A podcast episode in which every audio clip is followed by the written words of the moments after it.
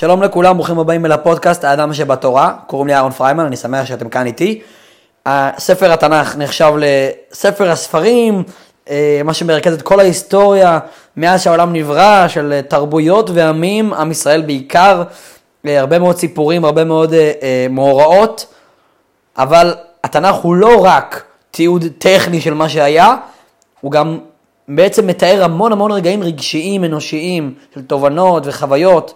שהמון פעמים אנחנו, כשלומדים תנ"ך ולומדים תנ"ך, מתייחסים אולי למובן הטכני, כלומר מי מלך ומי היה אבא של ההוא ומה הם אכלו אז ואיפה הם מדברים, על איזה הר ויש כל כך הרבה רגעים אנושיים, רגשיים, חוויות, מחשבות, שאלות, תשובות, רגשות שלא שמים לב אליהם ברוח הלימוד הדקדקנית על מה בדיוק היה. לא מרגישים את מה שהיה, את הרגש שחוו אז. אנחנו בפודקאסט הזה לוקחים אה, רגעים מהתנ"ך, אנשים מהתנ"ך, חוויות, מנסים לדבר עליהם בפוקוס, קצת יותר להבין אותם, להרגיש אותם, להתחבר אליהם כבני אדם, כי גם אנחנו חווים דברים ורואים דברים. והתנ"ך, שהוא המקור שלנו לכל מה שהיה מאז בריאת העולם במשך השנים, איך אה, עם ישראל נבנה ומי מלך שמה ומה עשו שמה ותרבויות ומשפחות איך נולדו ועמים איך נוצרו. כל ההיסטוריה, כל, ההשראה שלנו היום, איך לנהל את העולם מתחילה אז, ואפשר למצוא גם את ההשראה בתנ"ך איך, איך להרגיש היום. כשיש לנו קונפליקטים ורגעים מורכבים ומוזרים וחוויות אנושיות מצחיקות ומשמחות, התנ"ך הוא מקום להסתכל ולהגיד וואו, הוא חווה משהו כזה וכזה, וזה מה שהוא עשה, זה מה שהוא הגיב. אז אנחנו בפרק הזה, אחרי שבפרק הקודם דיברנו על אה, יהושע בן נון, על המנהיג אחרי משה רבינו שנכנס לארץ, ונורא נורא, יש לו, נקרא לזה, פחד קהל. לא, הוא לא מגמגם או משהו, משה רבינו היה מגמגם, הוא לא מגמגם, יש לו ביטחון עצמי מאוד גבוה, מבחינת היכולת אה, דיבור מול קהל, כבר כשמשה רבינו היה מנהיג הוא דיבר אה, בפומבי מול רבים, ו... אבל יהושע אומר, שמע, אני חכם, אני יודע להנהיג, אני טוב בלהנהיג, אבל כמה יקשיבו לי? אוקיי, אני אולי טוב בזה, אבל אני לא מותג. אני לא מסוגל להיכנס לנעליים של משה רבינו. והוא אומר להם, שלוש פעמים שהוא מדבר איתם, משה רבינו, משה רבינו, משה רבינו, כלומר הוא כל הזמן מזכיר, אל תקשיבו לי, כי לי, לי אתם הרי לא מאמינים, לא משנה כמה אני אה, טוב, אתם לא, לא מאמינים לי, תאמינו למשה רבינו שאמר את זה. הם אומרים לו, יהושע, מי שיעמוד נגדך, לא יחיה. האמונה בעצמנו, האמונה במי שאנחנו, בלי פחד, אפילו אם אה, אנחנו נמצאים תחת אה, צל של מישהו גדול לפנינו, יש לנו את יכולת גם כן להיות בעצמנו אה, עמודי אור, מגדלי אור, בדרך שלנו להיכנס לנעליים גדולות ולקחת את התפקיד הלאה, בכל דבר בחיים. אני רוצה לדבר היום על הפריירית הכי גדולה בתורה. באמת, אישה שהיא מאוד מאוד חשובה לנו כעם יהודי, ויש לה גם באמת מעניין להבין את, ה, את, ה, את הסיפור שלה קצת יותר לעומק, לעקוב אחריו, לא רק לקרוא טכנית איך זה נפגש עם הסיפור של אה, יעקב אבינו, אבל היא בעצם הפריירית הכי גדולה בתורה, רחל אמנו. רק נתאר ונסביר שנייה, אה, יעקב, נכד של אברהם אבינו, בן של יצחק, הוא אח של עשיו, שתי האחים האלה מאוד מאוד פופולריים, מאוד מאוד, מאוד אה, מבוקשים כחתנים, בטח לבנות, לבנות דודות שלהם. יצחק, יש אה, אה, אח של אשתו, זה לבן הארמי, הוא נמצא בחרן. ללבן הארמי יש שתי בנות, רחל ולאה, ולגיסו, יצחק, יש שתי בנים, עשו ויעקב. ורחל ולאה מיועדות להם מטבע הדברים. עשו הוא הבכור, הוא אמור להתחתן עם לאה, יעקב הוא הצעיר, הוא אמור להתחתן עם רחל, הצעירה. ו... באמת מתמונת, מתמונת מצב שבה יעקב מגיע לחרן, הוא רוצה להתחתן עם רחל, הוא אוהב אותה, וכשהוא מגיע לבאר הוא פוגש אותה, ובאמת, הוא, הוא מבחינתו אומר, תיתן לי, לאבא הוא אומר, תיתן לי להתחתן עם הבת שלך, רחל, אני רוצה את רחל, וממש יעקב יודע שלבן הוא שקרן ונוכל, והוא אומר לו, אני מתעקש איתך, רחל בתך הקטנה, אל תסבן אותי. אבל אה, יום החופה מגיע, ולבן מחליט כן לרמות. ומחליפים, הוא מחליף את, ה, מחליף את הכלה בכלה אחרת, באחותה, אחותה הגדולה. והחופות אז היו חשוכות, לא מאוד uh, מוארות. הוא לא שם לב, ומסתבר שהוא התחתן עם uh, לאה, זאתי שהוא לא רצה להתחתן איתה, ואז הוא הרי לקח על עצמו אה, לעבוד את, את לבן תמורת הבת, תמורת הבת החתונה עם רחל, תמורת הבת רחל, להתחתן איתה. אז הוא בעצם עושה דיל עם לבן, שהוא ייקח עוד, עוד כמה שנים של עבודה, ואז הוא יקבל גם את רחל, והוא מתחתן עם רחל, וכאן מתחיל בעצם הדרמה האמיתית שלנו. כי רחל, דבר ראשון, ביום החופה שלה, היום הכי מרגש בחיים שלה, לקחו לה את הכיסא, את החופה. לקחו את האיש ששייך לה, שאמור להתחתן איתה, ונתנו אותו לאחותה הגדולה. זה כבר סוג של איזושהי פרייריות, וכתוב שרחל הכניסה צרתה לביתה, רחל עשתה משהו שהוא לא יאומן מבחינה הזאתי, היא לוקחת את, ה, את, ה, את, ה, את הדבר שהכי חשוב לה, הכי יקר לה, ונותנת אותו לבן אדם שכל כך סוג של מתחרה איתה, מתחרה איתה על התפקיד הזה. מי, מי יהיה החתן של יעקב? יעקב הוא דמות צדיקה, יושבת ולומדת תורה, אה, טובת לב, לא כמו עשו האח השני שהוא נתפס אה, כרשע ורוצח וזדוני, אה, והיה ברור שמי שמתחתן עם יעקב, אז הבת השנייה מתחתנת עם עשו. ורחל מוותרת לאחותה הגדולה, והיא לא, יכלה להרוס את החופה, יכלה להתפרץ ולהגיד, רגע, מה פתאום אתם נותנים לאה להתחתן? אני, אני רחל. יעקב, משקרים עליך, והיא לא עושה את זה. ואז בעצם הן נשואות, שתי אחיות לאח אחד, וזה באמת תקדים, אפשר לדבר גם עליו, זה לא המקום בדיוק, אבל אפשר להגיד שבאמת יעקב לא היה מחויב לחלוטין במצוות של התורה, כי עוד לא היה מתן תורה, לכן הוא יכול להתחתן עם שתי אחיות, אף על פי שהוא הקפיד על לקיים את כל התורה כולה, מכיוון שאם הוא היה מקפיד על קיום התורה הזו, הזה, של לא להתחתן עם שתי אחיות, זה היה פוגע במישהי, או בלאה או ברחל, והרי הוא לא באמת חייב לקיים את התורה, זה רק קידור, כי עוד לא היה מתן תורה, לכן הוא יכול להתחתן עם שתי אחיות. אבל אנחנו מתעקסים שנייה בסיפור, מת... יעקב נשוי לשתי אחיות, רחל ולאה, ומתחיל ילודה בבית. לאה יולדת, ורחל לא יולדת. אין, אין לה ילדים. ללאה יש כבר כמה ילדים, שלוש ילדים, ורחל עדיין אין לה ילדים. ואז כבר היה מקובל, אז היה שפחות, היה לכל אחת מה... מרחל ולאה, לכל אחד מהם היה אישה שהייתה סוג של אה, תחתיה, עובדת תחתיה, עוזרת לה. אה, מתייחסים לזה כאילו זה איזשהו אה, זהות אחת. והיא אומרת, אה, רחל ליעקב אבינו, אם אני לא מצליחה ללדת, לפחות שהמשרתת שלי תלד, שלפחות יהיה לי בן דרכה. וזה מה שקורה, מגיעים שתי ילדים מהמשרתת של רחל, ואז גם לאה עושה את אותו דבר. בעצם יש לנו בבית הזה ארבע נשים שיעקב דרכם מביא ילדים, אבל אישה אחת לא מצליחה ללדת. לאה, האחות הגדולה, מביאה ילדים, המשרתת של רחל מביאה ילדים, המשרתת של לאה מביאה ילדים, אבל רחל, האישה שבעצם יעקב כל כך רוצה וכל כך אוהב, לא מצליחה ללדת.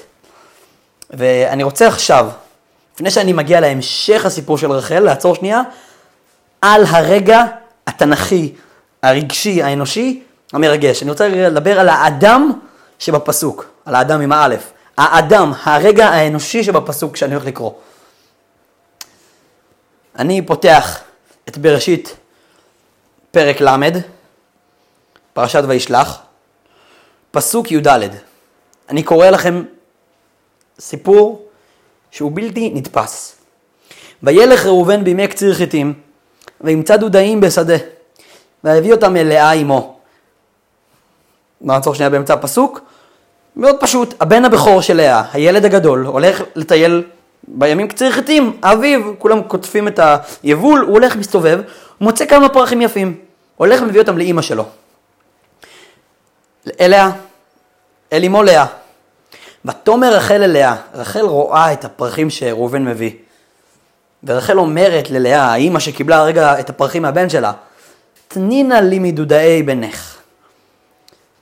תביאי לי פרחים גם, אני גם רוצה פרחים, אוקיי? בסך הכל בקשה הגיונית, היא גם רוצה פרח, למה לא? אבל, חוץ מזה שזה סיפור קצת מוזר, כלומר, למה לתאר לי בקשה כל כך קטנה? הרי התורה לא מספרת לנו שרחל ביקשה מלאה כוס מים, נכון? לא כל דבר מספרים, אז מה, מה, מה כל כך דרמטי בבקשה הזאת שהיא רוצה כמה פרחים? ומה, כש, וכשפעם, ופעם אחת הלוותה ממנה אה, אה, שמלה, אז למה התורה לא מספרת את זה? אז עוד דקה מגיע הפאנץ', אנחנו מבינים שהבקשה הזאת של פרחים, היה פה דיל רציני מאוד. ותאמר לה, המעט קחתך את אישי, ולקחת גם את דודאי בני, אני כבר בפסוק ט"ו, אבל זה בעצם המשך לסיטואציה מקודם. יעקב, מטבע הדברים שהוא רוצה להביא ילדים דרך רחל, אז הוא מנהל את הזוגיות איתה, הוא חי איתה, יושן איתה, אוכל איתה, חי איתה בבית שלה. כנראה שהם היו חיים בכמה אוהלים נפרדים, או מה שזה לא היה אז. ולאה, ברוך השם, יש לה כבר כמה ילדים. למשרתות, למשרתת של רחל, למשרתת של לאה יש, יש גם ילדים. יעקב רוצה לחיות את החיים שלו בעיקר עם רחל. הוא פוגש את הילדים, הוא פוגש את הנשים האחרות, אבל בלילה, והוא אוכל והוא יושן, זה בבית של רחל. ולאה, מבחינתה היא התחתנה עם יעקב, הוא הבעל שלה, היא רוצה לחיות איתו עוד, שיהיה בבית שלה יותר, יישן איתה יותר, יאכל איתה יותר. והיא אומרת ל- ל- לרחל, אה, לא מספיק לקחת לי גם את הבעל, כלומר הגבר שהתחתנתי איתו יושן אצלך יותר מאשר אצלי, את גם רוצה לקחת את הפרחים של הילדים שלי? הילד שלי הביא לי פרח, את רוצה אותו? גם את, הבן, גם את הפרח של הבן תקחי וגם את הבעל תקחי. זה מה שהיא אומרת. רחל, הוא, הוא, הבעל, ש, הבעל שלי נמצא אצלך בבית רוב הזמן. איך את מסוגלת לבקש עכשיו את הפרח הזה ממני? וככה בעצם לאה טוענת שזה לא בסדר מה שקורה פה. רחל ממשיכה בפסוק, אנחנו רואים מה היא אומרת, ותאמר רחל, לכן אשכב עמך הלילה תחת דודאי בנך. שימו לב מה, מה, על מה בעצם רחל חתמת פה במס, במסמך הזה, אני קורא לזה מסמך, אין פה מסמך, אבל בעצם יש פה סוג של עסקה. את יודעת מה? תני לי את הפרחים של ראובן, תני לי את הפרח הזה, ותמורת זה טוענת מה? שגנזתי לך את הבעל? אגב, כוכבית שנייה, זה מאוד מוזר שמישהי עם שלושה ילדים משל עצמה ושתי ילדים מהשפחה שלה, חמש ילדים יש לה, בעלה היה איתה המון, חי איתה חיים שלמים עם הילדים, הוא, הוא לא באמת מנותק מהחיים שלה לגמרי, יש אישה שאין לה ילדים בכלל, וזה אחותה בסופו של דבר. ויעקב נמצא איתה וחי איתה בתקווה להביא ממנה ילדים. ולאה כזאת היא לא מסוגלת להתאפק, ומה, את לקחת לי אותו, לא משנה איזה כוכבית, אבל זה מעניין באמת להבין מה, מה, מה, מה הסיפור של לאה. יש מצב שאולי לאה היא, היא כל כך הייתה אה, בטוחה של, שהיא הולכת להתחתן עם עשיו, שאחרי שהיא התחתנה עם יעקב, וזה כל כך מפתיע אותה, היא מנסה להיאחד בזה, היי, אני נשואה ליעקב, אני האישה שהתחתנה הראשונה, אני הבאתי ילדים, הוא שלי. הוא שלי, תפסיקי לטעון שהוא שלך יותר משלי. זה, היא בעצם אומרת לרחל, לאה אומרת לרחל, בבקשה שהוא, שיעקב יישן איתה ויחיה איתה, אל תחשבי שהוא, שהוא בטעות שלי, הוא שלי לגמרי, הוא אמור להיות איתי. הוא יושן איתך, וחי איתך, ואוכל איתך, בסדר, רוב הזמן אולי, כי, לא יודע, לקחת לי אותו, אבל בעצם הוא שלי.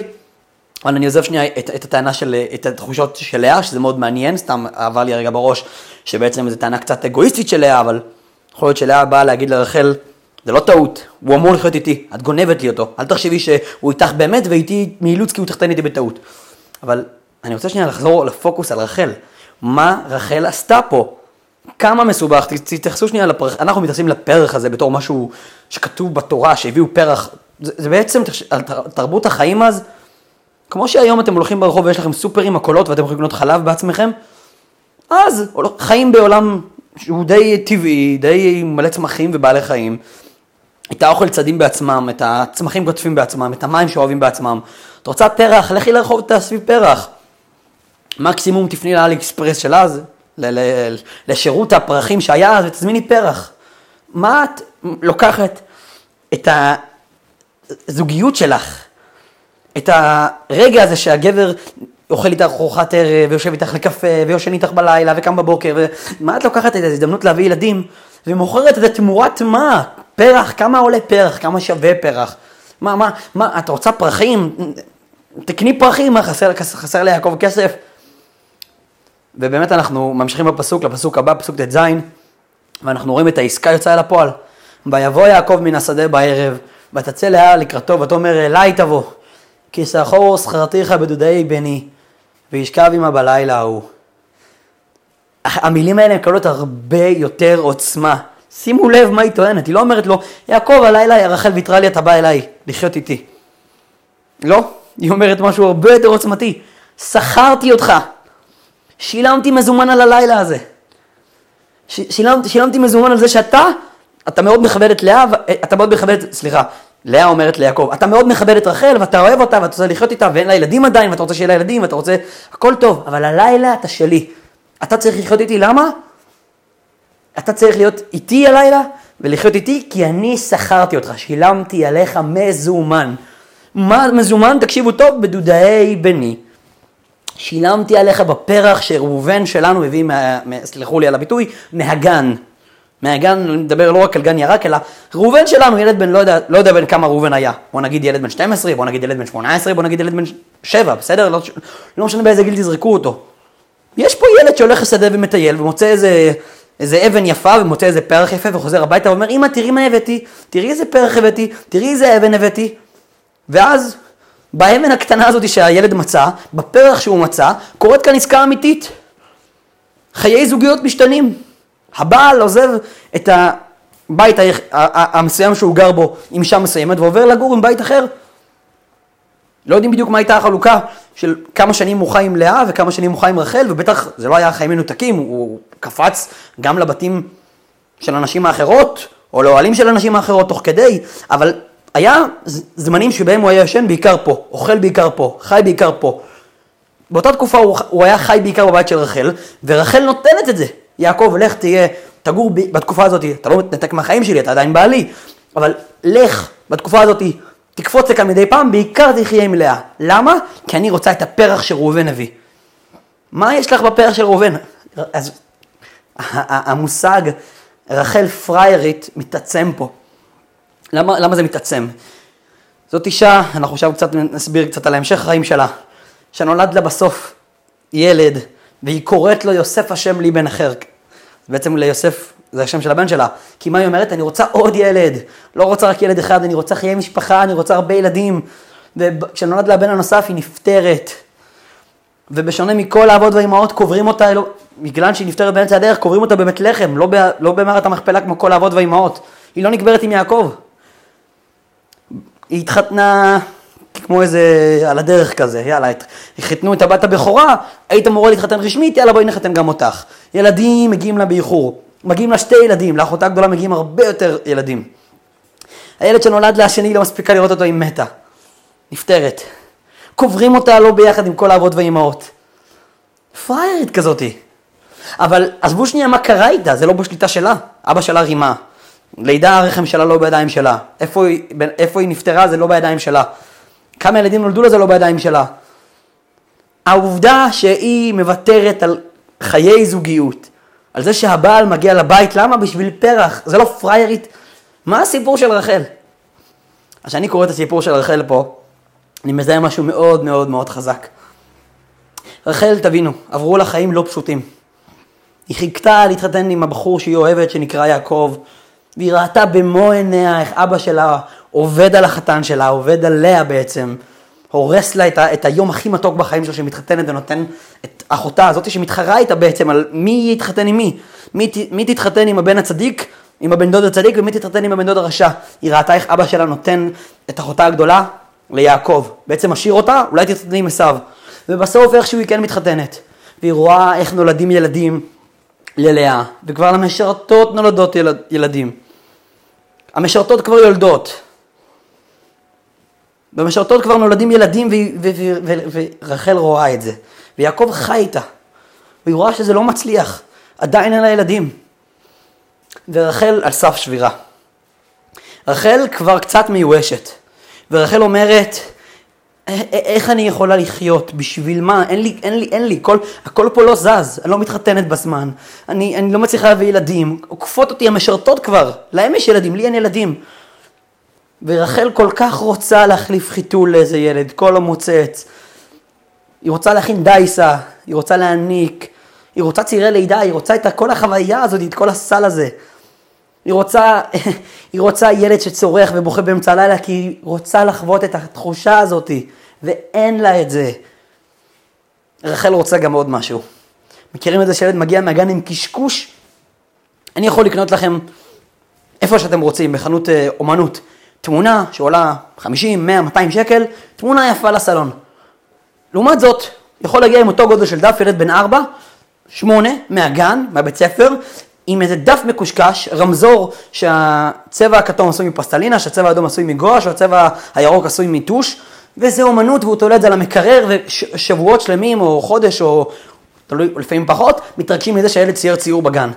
רחל רואה את הציור בגן, לא ציירו אז בגן, אז התרבות הייתה שונה, היו יוצאים לשדות לשחק, היו יוצאים לשדות ללמוד, מה שזה לא היה, ילדים היו משחקים. ראובן הוא הילד שמביא את הציור של הרמזור מהגן. בגרסה של אז הוא מביא פרח מהגן. הוא אומר, אמא, הוא כולו מלא בוץ מהלכלוך שהוא כתב את הפרח, הוא אומר, אמא, תראי מה מצאתי, הוא מביא איזה פרח מצ'וקמה כזה. יש פרחים יותר יפים. אבל זה כזה מתוק, זה כמו הדף המצ'וקמק של הילד מהגן, של הרמזור המקושקש ולא ברור, אבל זה כזה חמוד איך הוא צייר את הציור הזה. וזה כזה חמוד לראות ילד מביא למקרר בבית ציור, לראות ילד מביא לבית של אז, לאוהל של אז, איזה פרח. ורחל אומרת לעצמה, אולי אין לי בפועל ילדים, אולי בפועל לא מתוק לי, אבל אני רוצה להרגיש כאילו מתוק לי. אני רוצה להרגיש מה יכול להיות, מה קיים בתיאוריה. אני רוצה להרגיש כאילו הילד שלי הביא פרח מהגן. כאילו הילד שלי תלה את הציור שלו על המקרר. אז היא אומרת ללאה, הפרח הזה, היא לא יכולה להזמין אותו ולקנות אותו, כי פרח קנוי זה לא פרח שילד הביא מהגן. אי אפשר להזמין באינטרנט או בחנות אה, ציור מקושקש כאילו ילד צייר אותו. זה רק ילד יודע לצייר. הציור חמוד ומתוק רק שילד מצייר אותו. כשהוא מקושקש והוא מבולגן והוא לא, והוא לא נראה טוב והוא נראה כזה מעוך, זה, זה, זה, זה, זה מה שעושה לזה חמוד. ותולים את זה למקרר לחודש כי מתרגשים שהוא עשה את זה. והילד מתרגש שהוא עשה את זה. אומרת רחל ללאה, תקשיבי, אין לי ילדים. אני לא מצליחה להביא ילדים. אני רוצה להרגיש כאילו יש לי ילד. אני רוצה להרגיש עכשיו מה, מה, מה יכול להיות, מה עומד להיות. כי אם אני לא ארגיש עכשיו את קצת, אני לא אריח קצת מהריח של התקווה הזאתי, מאיך החיים יהיו מתוקים, אני לא אשרוד. לא אשרוד זה פרשנות אולי קיצונית שלי, אבל אני, אני, אני, אני חייבת להרגיש. זה כמו מישהו שאין לו בבית, שום, יש לו ארבע קירות, שבאף אחד מהם אין חלון. אז הוא מצייר ציור קיר, או תולה תמונה של נוף, ושם עליה תאורה. ואז הוא יושב בסלון, אין לו רוח, הוא לא שומע ציפורים, הנוף מולו לא אמיתי, אין זריחות ושקיעות, הנוף לא משתנה. אבל מה, הוא מסתכל ואומר בסלון, שמע, אני לא חי מול נוף, אין לי מרפסת, אין לי חלון, אבל כשאני יושב בסלון ושותה כוס קפה, אני מרגיש כאילו אני בנוף.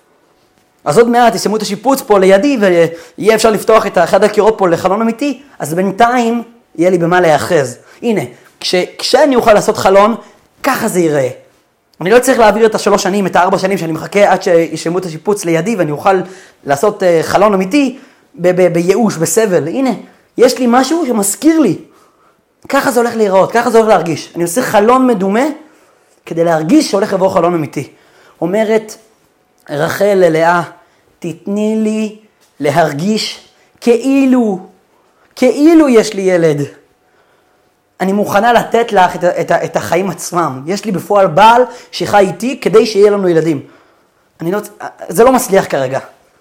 אני כל כך רוצה להרגיש אמונה, כל כך רוצה להרגיש את החוויה של ילד בבית, שאני מוכנה לתת לך את הבעל שלי בפועל, נקחי אותו, הוא לא יהיה אצלי בבית היום בלילה, הוא לא ישתית איתי קפה, הוא לא, לא יאכל איתי ארוחת ערב, הוא לא ישן איתי במיטה. קחי את הבעל שלי, תביאי לי את התחושה, תביאי לי את ההרגשה. תני לי לחייך קצת.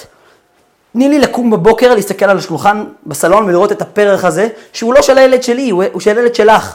אבל כשאני אסתכל עליו, אני אגיד בדמיון שלי, וואו, עוד מעט הפרח הזה באמת יהיה של הילד שלי. אבל זה שהפרח עכשיו פה וזה שעכשיו אני רואה אותו, מאפשר לי להתחבר לחוויה הזאתי. כי אם הפרח הזה לא היה פה, הייתי מסתכלת על שולחן שאין עליו פרח. הייתי מסתכל על, מסתכלת על מקרר שאין עליו ציור מקושקש. ואז לא הייתי מרגישה את הכאילו הזה. ורחל מלמדת אותנו כלל חשוב, שלא חשוב, כלומר חשוב מה קורה איתך, עוד יותר חשוב מה אתה מרגיש עם מה שקורה איתך. מישהו יכול להיות, אה, לעבור ברחוב, בוא נגיד שהוא דובר עברית והוא ברחוב בארצות הברית, וצועקים עליו.